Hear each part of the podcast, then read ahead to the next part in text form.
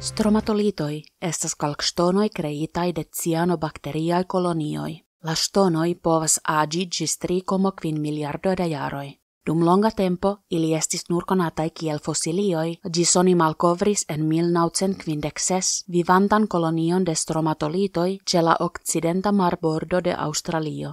Cyanobacterioi formas vivanta volon sur la surfazzo.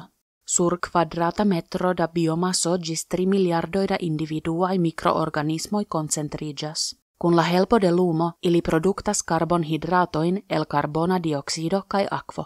Consequence calco accumuligas, la stromatolito crescas nevideble al nuda oculo, kai grandigas maximume unu centimetron en circa tridec jaroi.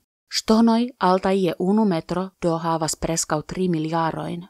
En la Hamelin pool ili travivis en la mal profunda aquo gis hodiau, danke alla extrem alta salezzo de la aquo.